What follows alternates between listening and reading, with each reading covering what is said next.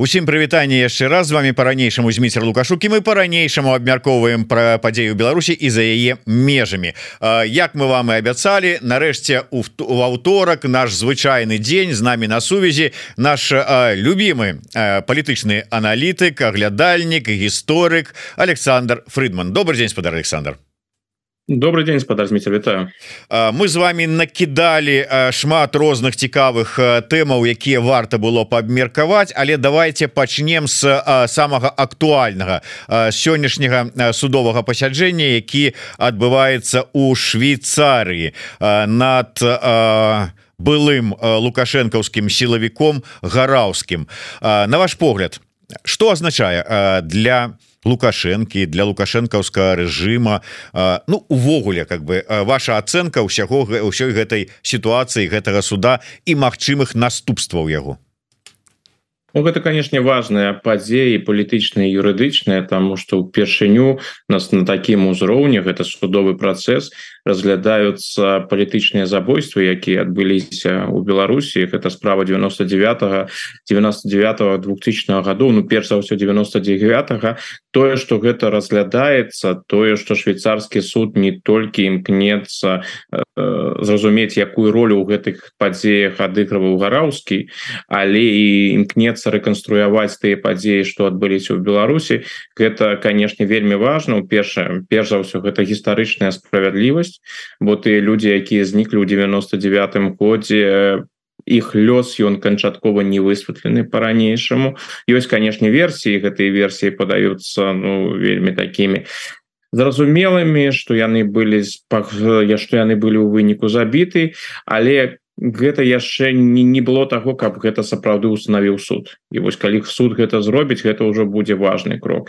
Ну і канешне устае таксама пытанне адказнасці бо гараўскі ён удзельнік і он выканаўца і зразумела что загады аддаваліся на зусім іншым узроўні. То бок гэта можа мець пэўныя перспектывы калі суд сапраўды установіць что что адбывалося у 99 годзе у мінску.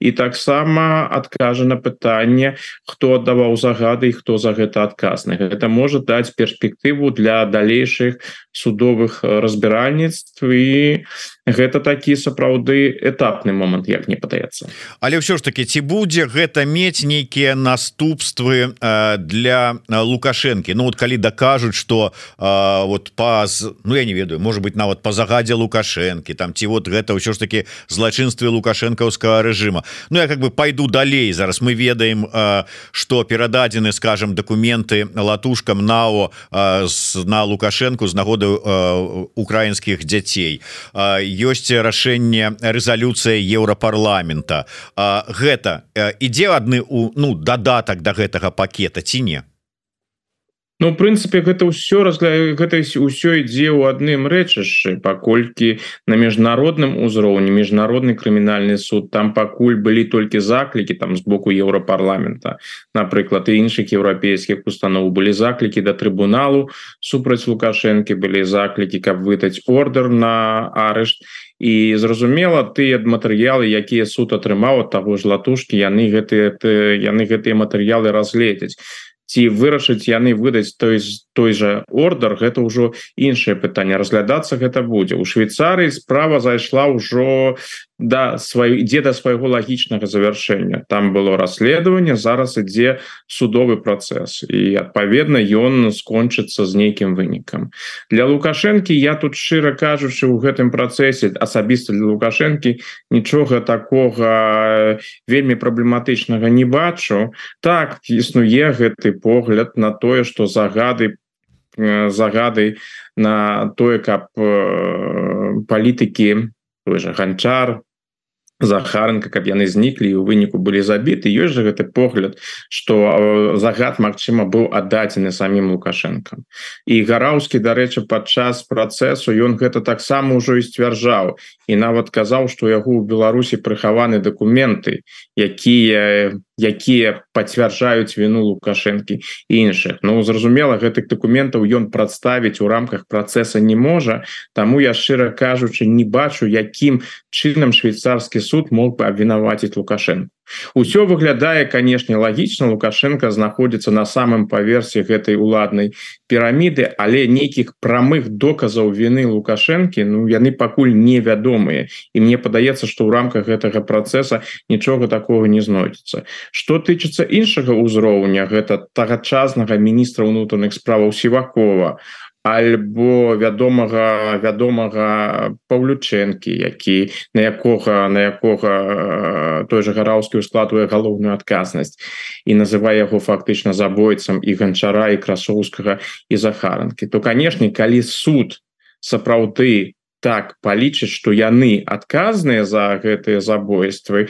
Ну гэта можа мець для іх пэўны юрыдычныя наступствы модуць могуць быць выдадзены ордары на арышт і гэтак далей. Але ізноў жа практычнага з гэтага пакуль нічога не будзе бо зразумела что і сівакоў і паўлюченко і шейман які ў гэтым кантэксце таксама узгадваецца яны хутчэй за ўсё у бліжэйшы час на тэрыторыях на на, на украінах дзе магчымы нейкія іх арышты паводле паводле просьбаў швейцарскага суда Ну гэта хутчэй пакуль так не выглядае. Але ізноў жа непрыемнасці будуць і важно что пачалося расследаванне. А за гэтым расследаваннем будуць і іншыя. І гэта такі выдатны сігнал лукашенко каб ён побачыў что вось тыя злачынствы якія адбываліся напрыканцы 90-х і про якія шчыра кажучы многія людзі ў Беларусі ўжо давно забыліся якія не адыгрывалі нейкай сур'ёзнай ролі падчас апошніх палітычных кампаній что вось нават да гэтых злачынстваў могуць можа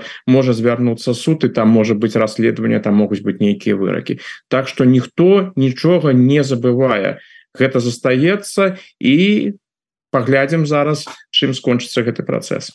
Але глядзіце ўсё ж таки ну лукашенко такую мае хітрасць добрую і чыста беларускую такую народную і палітычную такая як это называется палітычная жывёла такая добрая з добрай чуйкай. Нават у сітуацыі с этими украінскімі дзецьмі як ён у адрозненне ад Пуціна подстрахаваўся ён не прычым гэта вот талайся з яго фондам ён там нейкую ініцыятыву проявляе гэта чырвоны крыж гэта яшчэ хтосьці А ён вот э, я ж вот как бы не ўнічу вы думаете что нават тады хай это было і 30 гадоў тому ён нейкія там документы паперадзе написано застрэліць захарч захарченко і подпіс лукашенко будзе знойдзецца такі. Что-то я вельмі моцна сумняюся Я думаю что таксама такого не было. Хутчэй за ўсё гэта тыя загады якія аддаваліся вусна. І канешне калі б напрыклад сівакоў альбо паўлюченко альбо шейман выйшлі і гэта пацвердзілі Ну гэта могло б выйсці на іншы ўзровень. Яны гэта зразумела зразумела не зробяць. Ну а суду патрэбны доказы. Канешне гэта ўся версія якую выкладае гараўскі. Яна выклад яна выглядае яна выглядае лагічна Да і тое что мы ведаем ужо ж гэта ж вядомыя вядомыя справы яны даследаваліся ёсць публікацыі але халкаяў былы былы начальнік мінскага сеза дзе выконваліся смяротныя выконваюцца напэўна до сённяшняга дня смяротныя пры прысуды ён прысвяціў амаль э, значную значную частку там 20 гадоў свайго жыцця ён прасвяціў вывучэнню вывучэнню гэтай тэмы то бок мы ведаем досыць шмат і ёсць лагічныя версіі але гэта суд і суду патрэбны доказы. Калі гараўскі сцвярджае что у яго ў мінску засталіся нейкія паперы Ну суд можа сказаць Ну а тут у вас ёсць паперы? Нейкія доказы можете прадставіць? Не можете прадставіць Ну калі не можете прадставіць доказаў про что тут казаць? Гэта публіцыстыка у астатнім гэта журналісцкія даследаванні а ў суде патрэбны быць сур'ёзныя доказы от, э, наш крэатыўны сммщик запусціў у чаце галасавалку с пытаннем э, ці выдадуць ордер на лукашенко до конца года?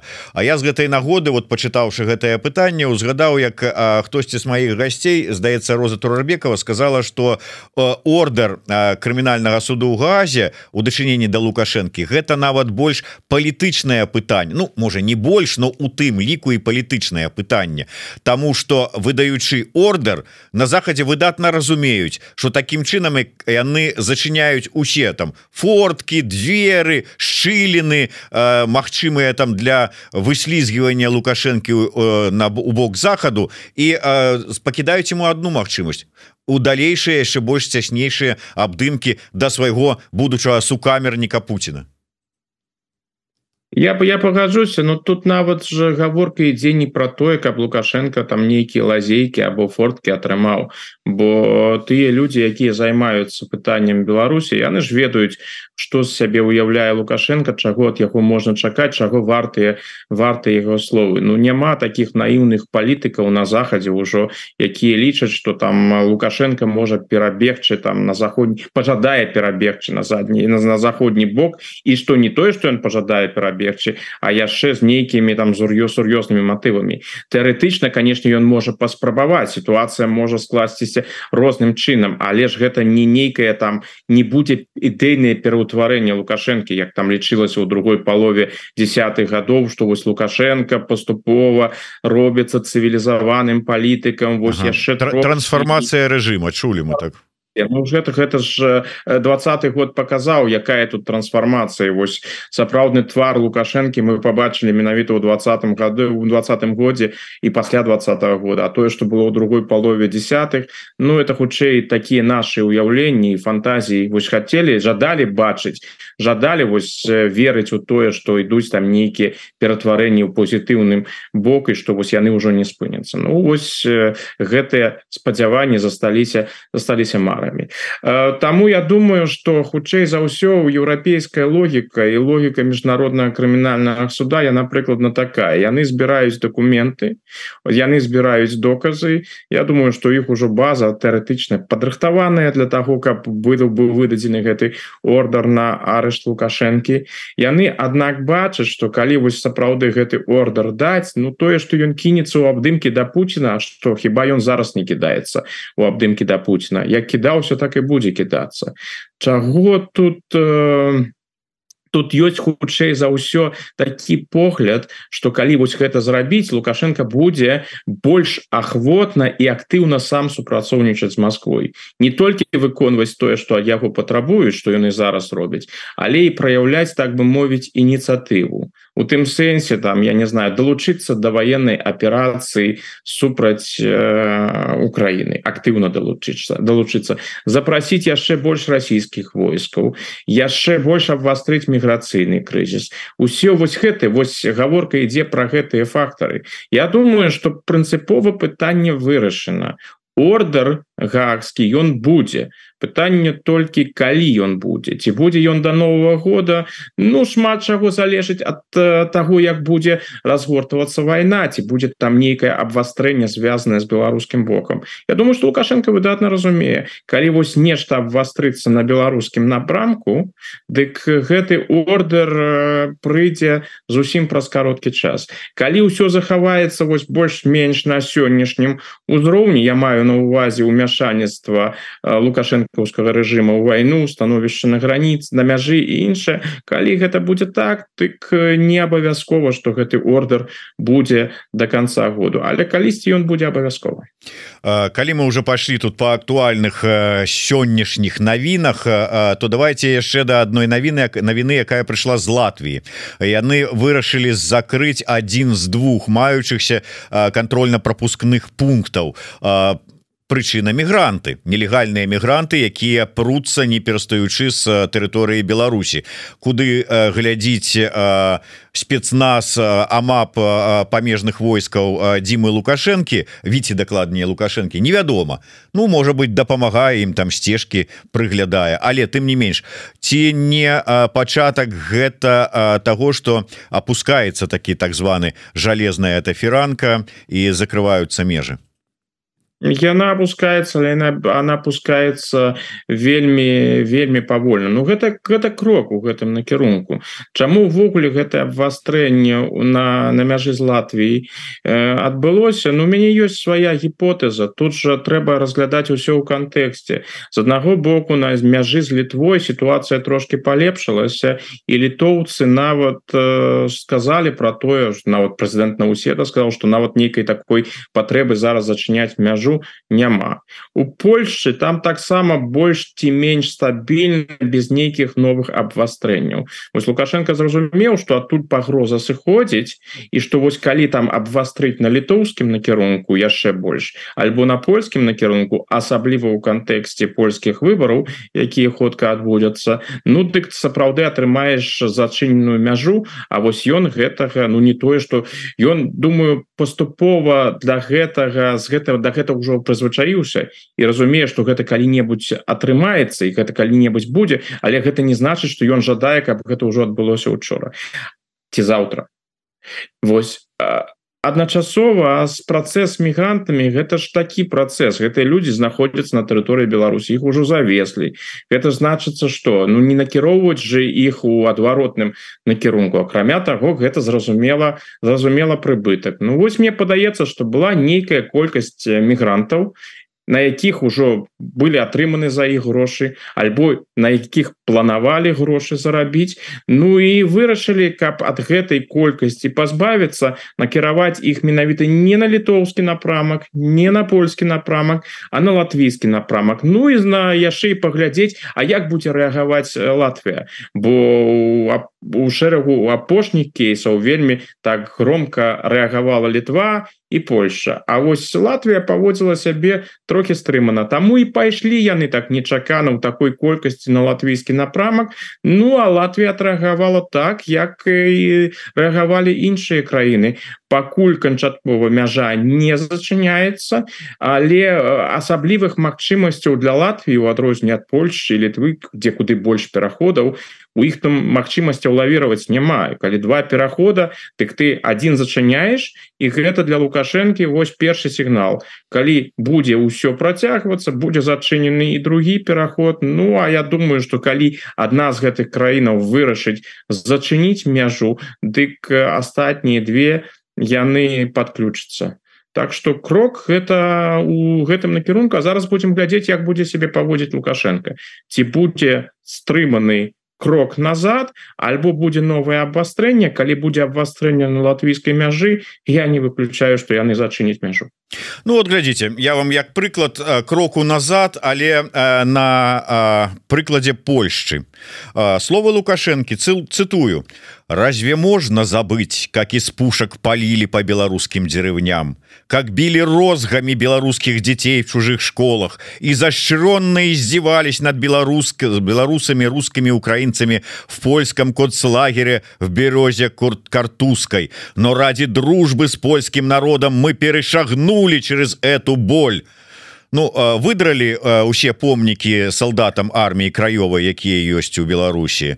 Зачынілі саюз палякаў за краты кінулі Анжая пачобута. І перашагнули через эту боль. Подумаешь а палякі вот что-то тут выпендраваюцца еще что-то ім не падабаецца. Ну але ж крок назад? Не ну чаму ж вот не? Вот но за бугром не но за бугам это прынялі за слабасць вот бачыце вот ну з кім замірацца Ну, мне тут падаецца что лукашенко тут сам собой размаўляе ён сам стварыў наратыў які нібыта паную Польши і імкнецца гэты наратыў абвергнуць бо калі мы паглядзім гэта з беларускай перспектывы Ну калі замоўчваліся да падзеі 20 30 году яны былі ва ўсіх беларускіх подручніках гісторыі. Тэма з бярозай картузкай была і тэма з беларускім рухам на тэрыторыі Польшу Польшу міжваенныя часы. Хіба гэта была забаронена агульная тэма про якую не казалі каб не пасварыліся палякі і беларусы? Но гэта ж увогуле выглядае смешна.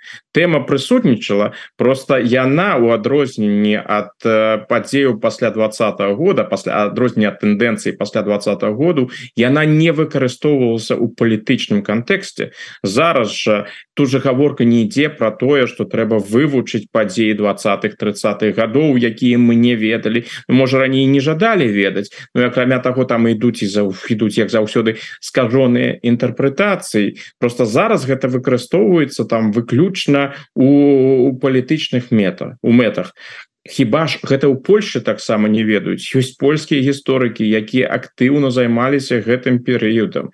І розныя і адносіны да нацыянальных рэлігійных меншасцяў у міжваеннай Польшчы. Нельга сказаць что гэта недаследаваная тэма про якую ніхто не гаворыць. Яна даследаваная ў Польшы яна даследавана ў Еўропе. Гэта сапраўды вельмі складаны перыяд польскай гісторыі супярэчлівы перыяд польскай гісторыі. Ну у гісторыі шмат супярэчлівых перыядаў на то яны і ёсць каб іх вывучаць. Ну пра вывучэнне ж ніка нейкай не ідзе гаворка. Тут ідзе гаворка про выключную палітычную інструменталізацыю.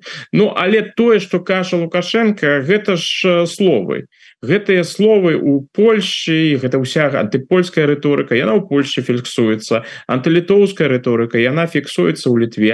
Але яны з двадцатого году до да гэтай рыторыкі прызвычаіліся. Гэта ўжо так не чапае. Ну гэта зразумела усе гэтыя нападки на Польшу гэта польскаму грамадству і польскаму кіраўніцтву непрыемна чуць. Але яны мне падаецца асабліва на гэта увагу не звяртаюць.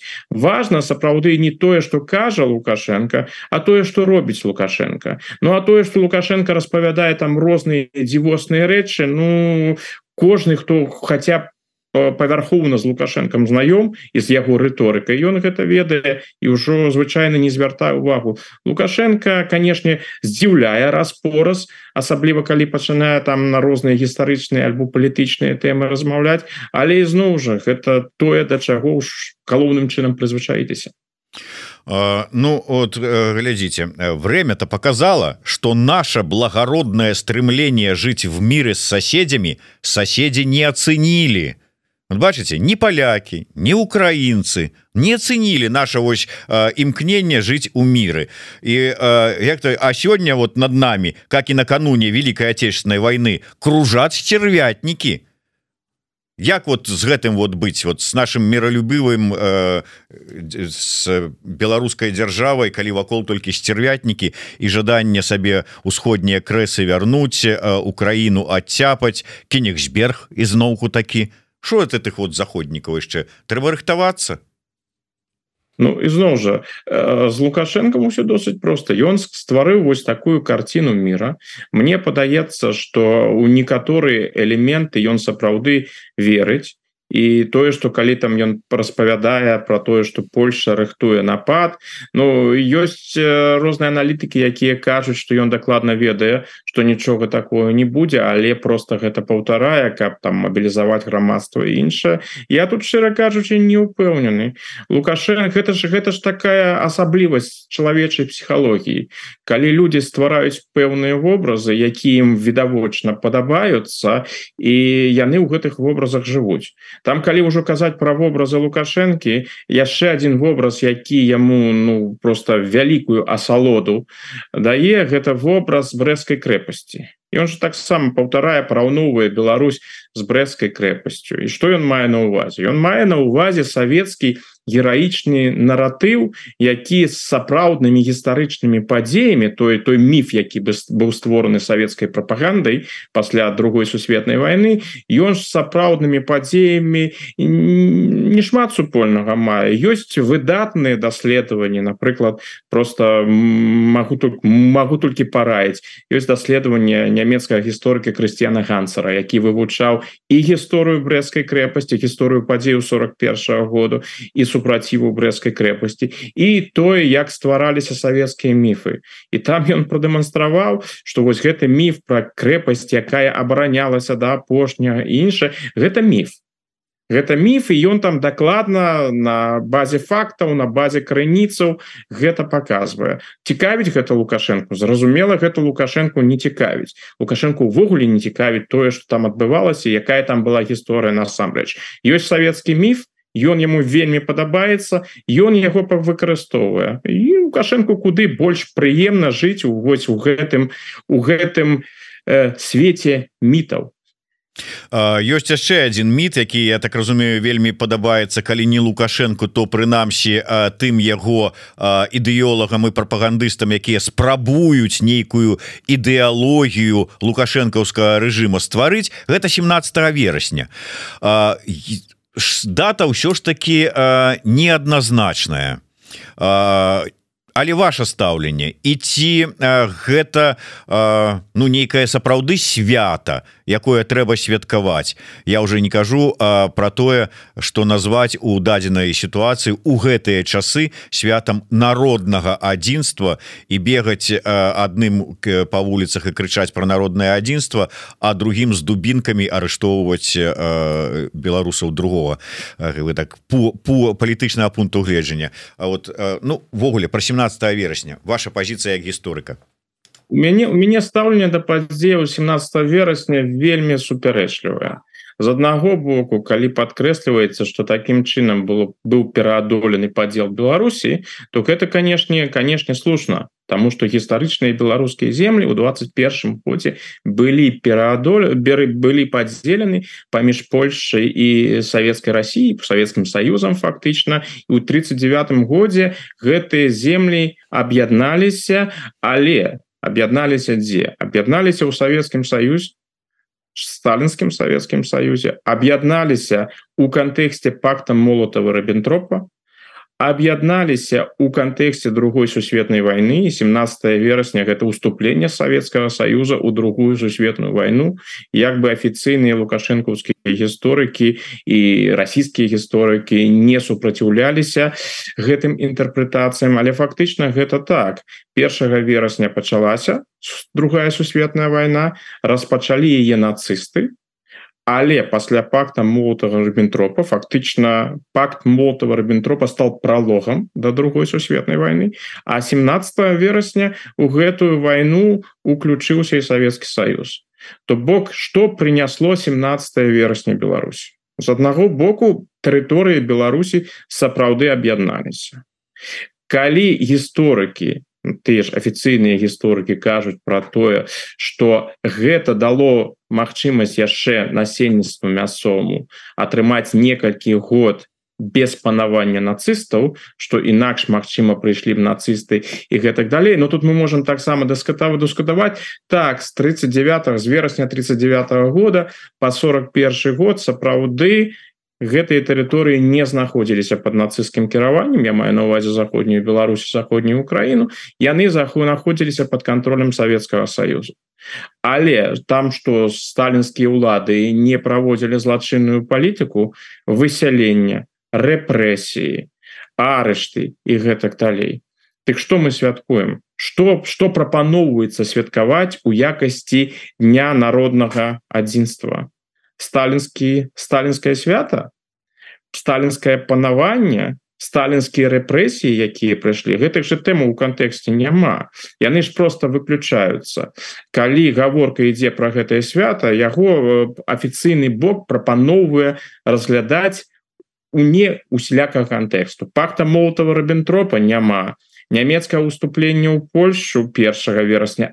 Амаль няма. Сталінскіх рэпрэсіяў 40 39 40 41 года няма. Лёса польскіх жаўнераў пытання катыні таксама няма.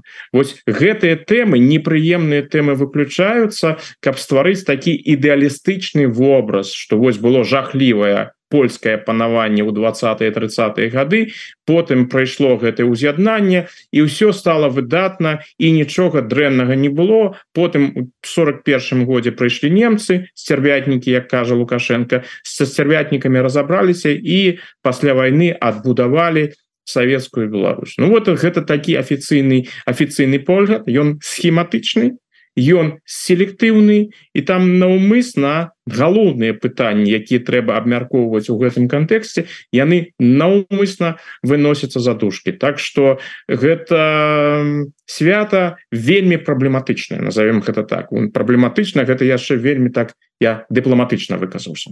Ну так безумоўна была тая тагачасная Польша не нейкай там рэччу паспалітай дзвюх народаў ці трох народаў. Гэта было звычайнае тагачаснае адпаведна пэўныя часу нацыянальная польская дзяржава якая прасоўвала на ўсіх тэрыторыях нацыянальныя інтарэсы польскага этноса.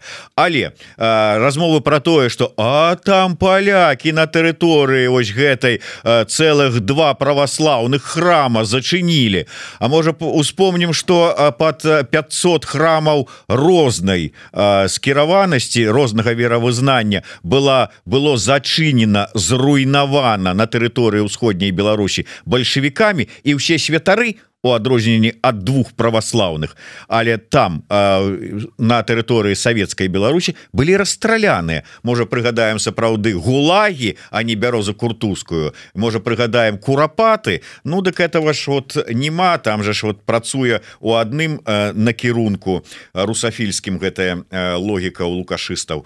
Але э, давай...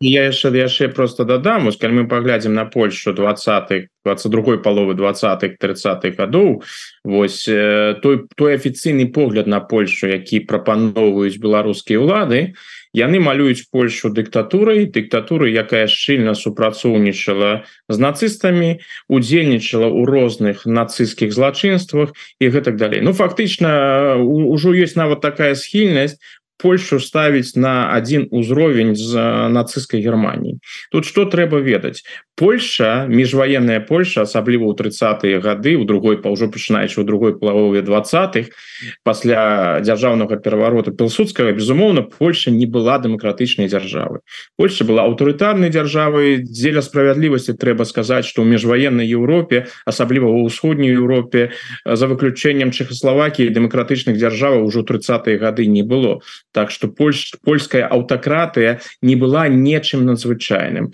Так там были розныя там было дыпламатычнае супрацоўніцтва з Геррманіі але шмат краінаў супрацоўнічалі. І шмат было праблематычнага канешне у польскай палітыцы у дачыненні да нацыянальных рэлігійных меншасцяў у дачыненні да беларусаў у дачыненні да украінцаў антысемітызм быў вельмі моцна распаўсюджаны ў міжваеннай Польшы гэта ўсё вядомыя факты і гэтым займаюцца гісторыкі гэта ніхто не замоўчвае.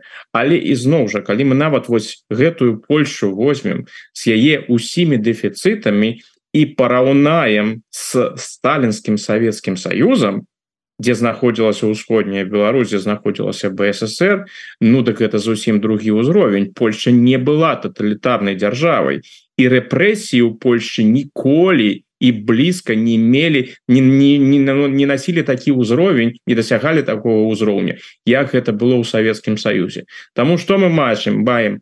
Ідзе вось гэта інструменталізацыя польскай гісторыі вельмі адмоўным накірунку а пра савецкія злачынства пра савецкую палітыку разумела зразумела ніякай гаворкі няма добра давайте да іншых тэмаў яшчэ звернемся.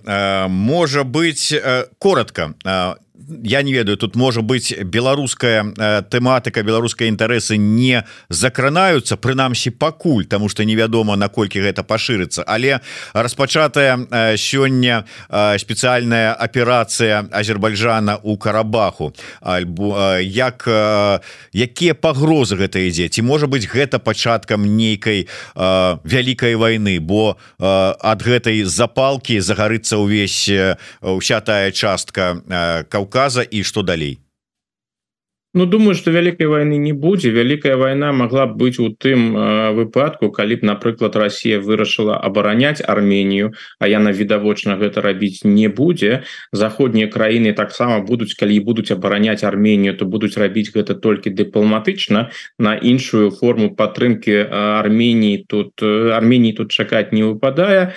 Азербайджан відавочна нацеліўся на такую кароткую победоносную войну Вось патэнцыял у них у гэтым сэнсе ёсць. Ну паглядзім ці ў іх это атрымаецца тое что там азербайджанскія улады кажуць что гэта накіравана толькі супраць военной інфраструктуры Армении у карабахе. У карабаху Ну гэта гэта смешна тут уже усе усе маль усе фото былі відэа былі дзе бачна что асаблівай розніцы там не бачуць там ідзе абстрэл і цывільных пабудоў. Іншае чым гэта можа скончыцца? Калі сапраўды Азербайджан сваіх мэтаў дасягне а з дапамогай Турцыі у яго ёсць сапраўды добрыя шансы і у них ёсць і сучаснае ўзбраенне і матывацыя адпаведная у арміі ёсць. Так что выглядае для Азербайджана ўсё пакуль досыць добра. Скончыцца гэта можа выгнаннем армянскага насельніцтва з карабаха і устанаўленнем устанаўленнем поўнага азербайджанскага контролю над карабахам что калі паглядзець на гэта з беларускай перспектывы то тут лукашенко ды не толькі лукашенко увогуле беларусам трэба уважліва за гэтым глядзець паколькі ўсё ж таки прынамсі на паперы Арменія з'яўляецца саюзнікам Росіі.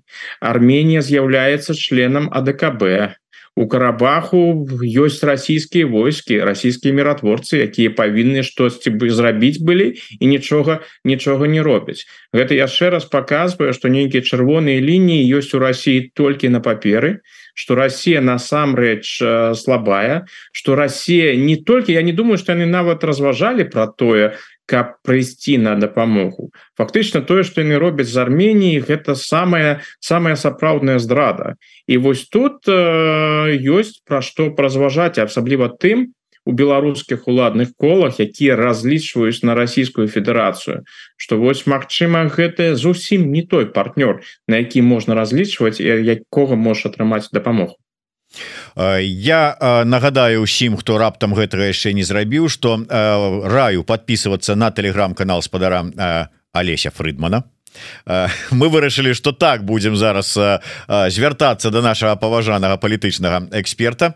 Ну і безумоўна еўрарады YouTube канал наш подписывайтеся к каментары свои пакідайце Ну і все астатнія дзеянні варта рабіць таксама як расшарываць і гэтак далей. Яшчэ одно пытанне якое варта нам з вами закрануть. Гэта я сумяшчу два пытання у одно бо мне падаецца что можа быть яны нейкім чынам хотя тут я і канспіралогіяй можа пэўны займаюся але звязаныя. Гэта поездка лукашэнкі ў Москву і пазней вось выкрылася інфармацыя что лукашенко сабе чарговую ці то 17тую ці то нейкую якую але ўжо недзе блізка до гэтай лічбы рэзідэнцыю пабудаваў. Так вось ці ёсць сувязь тут ці няма Як вы лічыце Ну тут пытанне ж у тым что гэта за рэзідэнцыя. Ёсць жа гіпотэза наша ніва яе выказвала что гэта Мачыма будзе не столькі рэзідэнцыя лукашэнкі Магчыма у будучыні рэзідэнцыя лукашэнкі але плануецца яна як рэзідэнцыя кіраўніка усебеларускага народнага сабрання усё беларускага народнага сходу. І тут канешне узнікае цікавае пытанне. Калі э, лукашенко збіраецца займаць гэтую пасаду так навошта яму яшчэ одна рэзіды яшчэ одна рэзідэнцыя у яго што іх мала і у тым же і у тым жа мінску? Магчыма ну я б нават выказаў такую гіпотэзу что Мачыма будаўніцтва гэтай рэзідэнцыі вось такое хуткае будаўніцтва менавіта ў гэтым годзе напэўна в наступным годзе ўсё будзе скончана. Яна звязана з тым что не выключана что пасаду вось гэтую кіраўніка усебеларускага народного сходу. Можа нават заняць не лукашенко а я нейкая іншая даверная асоба і Мачыма для гэтай давернай асобы і будуецца гэтая рэзідэнцыя. Я б гэта прынамсі такі варыянт не выключаў. Ну а калі сыходзіць з гэтай гіпотэзы то любыя змены ў беларускім кіраўніцтве яны канешне ў сённяшніх умовах лукашенко абмяркоўвае з Москвой і прынамсі не чуе пазіцыю Москвы на гэты конт напэўна робіць нейкія прапановы і чакае каб яны гэта адобралі каб яны сказалі что вось гэта добра что вось гэта гэта пасуе. Мачыма нешта такое і адбывалася і падчас апошняй поездки лукашэнкі ў Москву і падчас ранейшых. Я б гэта не выключаў але э, калі лукашенко э, прыйшоў да высновы что досыць ему і будзе ён да смерти заставацца э, кіраўніком краіны нелегітымным але кіраўніком і не трэба ему хоць канстытуцыя дазваляе займаць яму два крэсла адразу і кіраўніка там сходу хурала усе беларускага і прэзідэнцкі фатэль то на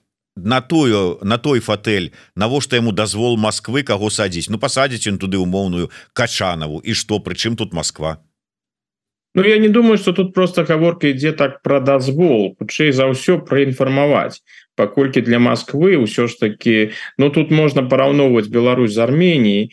Арменія такую геапалітычнае значэнне для России не мае. І ўсё ж таки у культурным і у языкавым умоўным плане ёсць сур'ёзная розніца паміж Арменіяй і Беларусь значэннем Беларусі для России паколькі ўсё ж таки гаворка ідзе про заходнія межы мне падаецца что у России чакаюць ад лукашэнкі что ён пра нейкія сур'ёзныя змены у Беларусі. Ён інфармуе Ну і Мачыма ён сапраўды інфармуе. Но гэта не значыць як мне падаецца что яны там зацвярджаюць нейкія фігуры.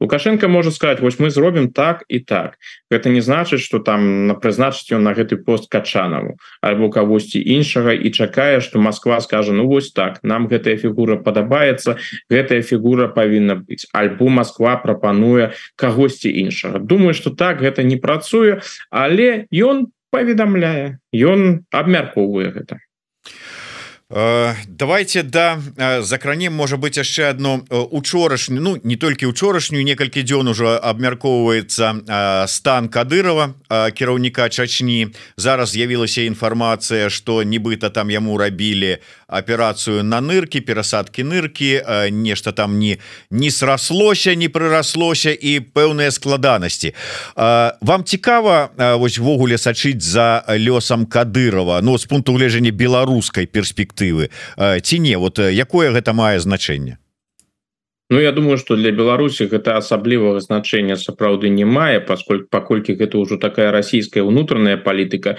Ну ускосна канешне мае паколькі чачэнскія подраздзяленні таксама удзельнічаюць у вайне на украінскім фронте. Але ізноў жа гэта расійскія пытанні гэта пытанне магчымай дэстабілізацыі чачні Ну пакуль выглядае там усё досыць стабільна.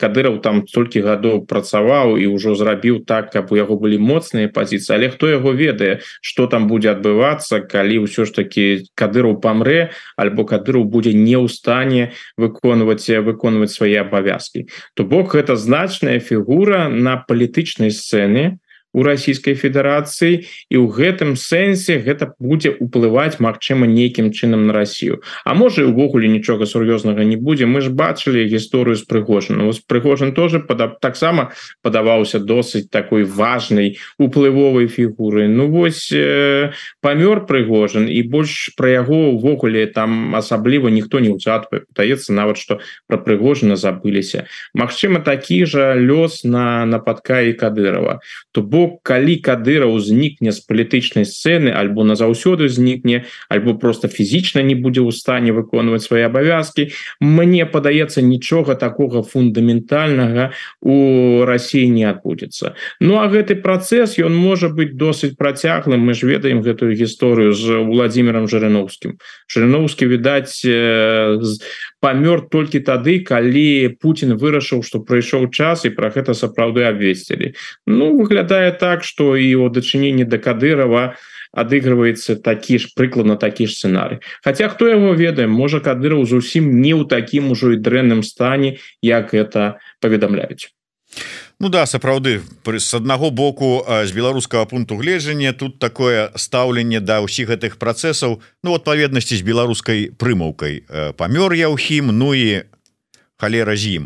Але памёрта Яўген прыгожан і наколькі я разумею А вось гэтую прынамсі афрыканскую спадчыну вельмі хутка пацялі пачалі цягнуць у розныя бакі у тым ліку Пра што мы з вами уже не адзін расказалі спрабуе выглядае на тое і лукашенко у сваю кішэню пацягнуць. Что про гэта сведчыць Ну спадчына то вельмі прыбытковая. Ёсць сапраўды паведамленні пра актыўнасць гэтай фірмы гардсервіс якую называюць э, лукашэнкаўскім ПВК альбо шейманаўскім ПВК таксама ёсць паведамленні пра тое што галоўны так бы мовіць а лукашэнкаўскі бізнесмен на афрыканскім напраўку напрамку Александр зінгман актывізаваўся і шмат працуе ў розных афрыканскіх краінах. Выглядаюць гэтые паведамленні лагічна. Сапраўды упрыгожана была вельмі такая дамінантная пазіцыя у розных афрыканскіх краінах а зараз ідзе барацьба за гэтую спадчыну. Ну і абсалютна лагічна. Падаецца что лукашенко хацелася б нейкі кавалак ну хай не самый такі салодкі але ўсё ж таки хаця б які-небудзь кавалак гэтай гэтай спадчыны атрымаць тым больш что бізнес які прыгожан вёў у Афрыцы ён такі быў вельмі вельмі прыбытковы. І лукашэнкі пэўныя контакты там ёсць. Зінгман ведае як трэба працаваць з афрыканскімі з афрыканскімі дыктатурамі. Мачыма у гэтым напрамку ідзе а тое что мы бачылі з экватарыяльнай гвіней вось гэты візит прэзідэнта абіянга і напрыклад ты прапановы якія ему публічна рабіліся а там ішла гаворка не толькі пра супрацоўніцтва там у гуліне суравіны альбо адукацыі студэнтаў з гэтай краіны ў Беларусі. Там лукашенко адмыслова узгадаў і военный чыннік гэтага супрацоўніцтва. Мачыма гэта ідзе ўсё ў гэтым накірунку. Что атрымаецца гэта іншае пытанне. Конкуренцыя там досыць вялікая но як мне падаецца дзейнасць лукашэнкі на афрыканскім напрамку яна скаардынавана з Москвой яму дазволена. Мачыма гэта такая свайго кшалту кампенсацыя за тое что ён паўдзельнічаў у вырашэнні усіх гэтых прыгожанска-пуцінскіх канфліктаў. Мачыма у якасці кампенсацыі яго чакае нейкая афрыканская дзялянка нейкая частка прыгожанскага бізнеса у Афрыцы я тут можа быть закрану пытанне расійскіх войскаў у Беларусі паводле паведамлення у беларускага юна вось гэтых менавіта расійскіх вайскоўцаў таких вайскоўцаў вайскоўцаў і мобікаў якіх тут на навучанне дасылалі іх фактычна не засталося ў Беларусі с вагнераўцаў засталося толькі тысяча і прычым это тая тысяча з іх там сотня якіх узялі інструктарамі а астатнія якіх якія не нідзе нікому не патрэбныя якіх не бяруць ні у іншыя структуры кшталту вагнераўскіх ні нават у войска расійская на контракты але вось гэтая такая ну я не знаю маленькая колькасць вайсковай расійскай прысутнасці на Беларусі Пра што сведчыць і якія шансы там варыянты дае нам? Я просто думаю что ситуация зараз вось так склалася что іх стало менш першае ну калі мы паглядзім на палітычную становішча зараз новый нейкі новый нейкая аперацыя ў кіеўскім напрамку на дадзены момант ну не мае аніякіх шансаў бо мяжа там падрыхтаваная і там просто гэта было б самазабойствам зараз праспрабаваць пайсці на Кіев праз тэрыторыю Беларусі. То бок украінскі бок ён гэты урок гэты урок вывучыў яны там падрыхтаваліся. Так бок для гэтага вайскоўцы не патрэбны іншая ты кого у кого ўжо у Беларусі навучылі яны патрэбны ў Росіі менавіта на украінскім фронте по там сітуацыі для Росіі зараз зараз складаная і вось гэта гэта два моманты Ну і третий момант ён звязаны з вагнераўцамі паколькі расійскі бок відавочна вырашыў вагнераўскія подраздзяленні Ну знішчыць прынамсі у тым выглядзе у якім вагнер існаваў пры прыгожанні усе гэтыя фактары прывялі до таго что расійская военная прысутнасць у Беларусі у Беларуси скарацілася. Пытанне Аднак что гэта вось э, падзеі на дадзены момант. Ситуация можа можа змяніцца. Хто яго ведае? Мачыма Россия ўсё ж таки вырашыць пайсці на новую авантуру на кіеўскім напрамку. І тады зноў накіруюць на Беларусь расійскіх вайскоўцаў.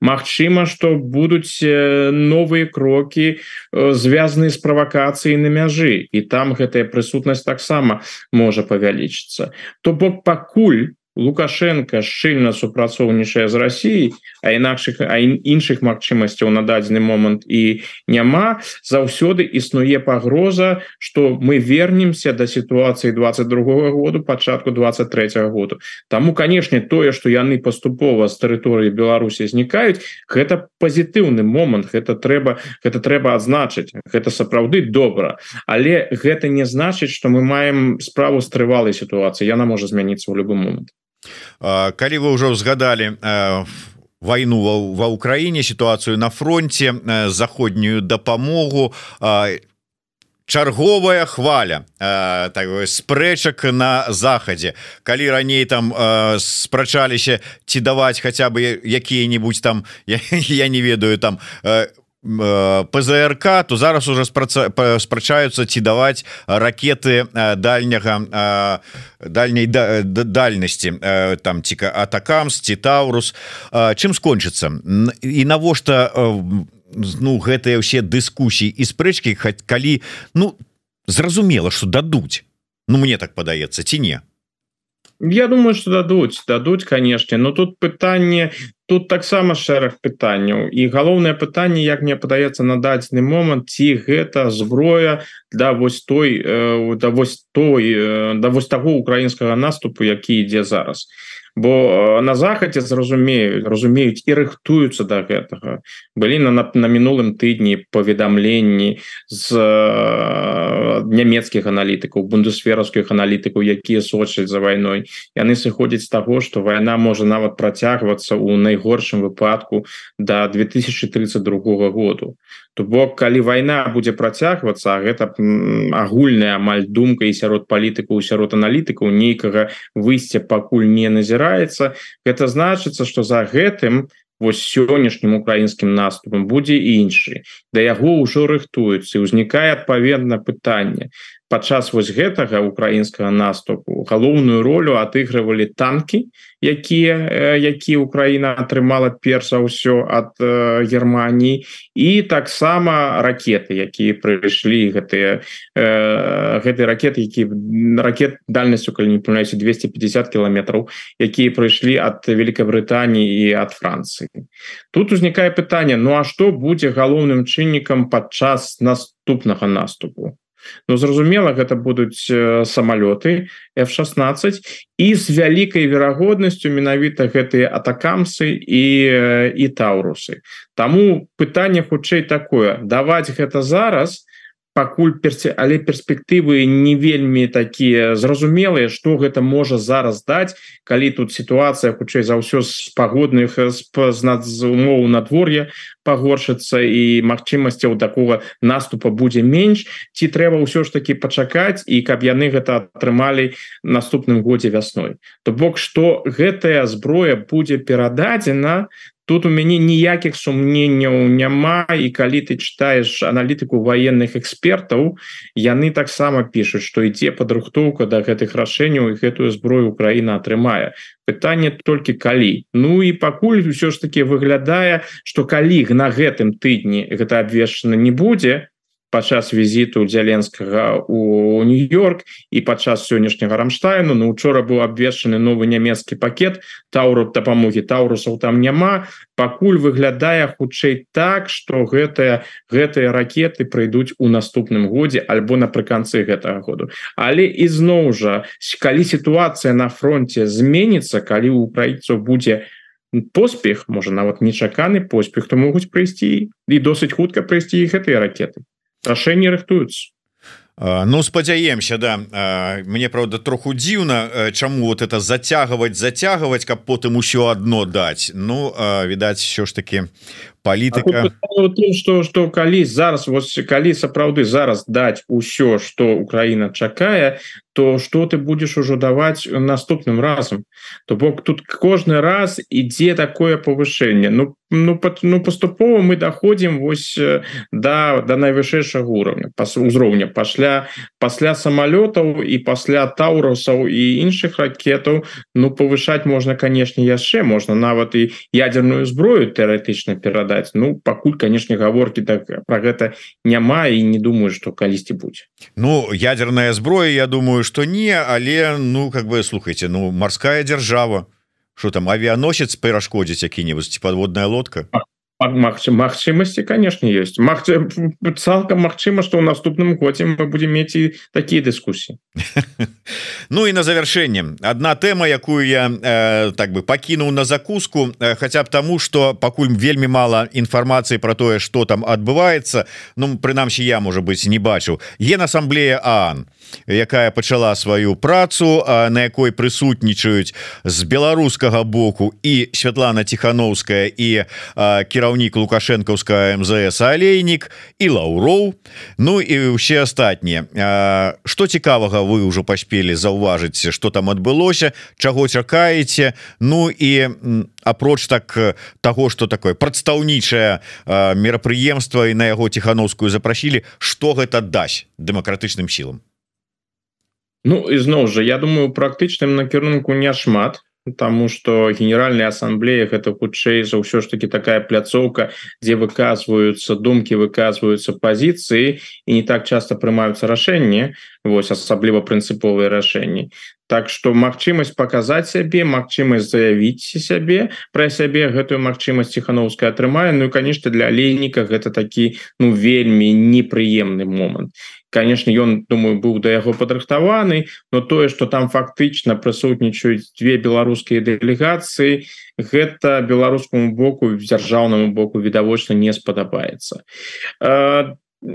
тэма Украіны яна будзе канешне адной з галоўных тэмаў падчас гэтай асамблеі Так что будзе напэўна вельмі цікавы выступ зяленскага. Паглядзім что ён там скажа. Ну і что асабліва чакаюцца чакаюцца тыя перамовы якія ён будзе праводзіць у нью-йорку. Яго там запланавана стресс сустрэча прэм'ер-міністрам Ізраіля нетаньяху. Ён будзе размаўляць з прэзідэнтам Бразіліі лулаю яго сустрэча з байденом яго сустрэча з шольцам. І такія сустрэчы гэта заўсёды таксама і пытанне зброі. Ад ізраильцян ён таксама будзе патрабаваць зброю.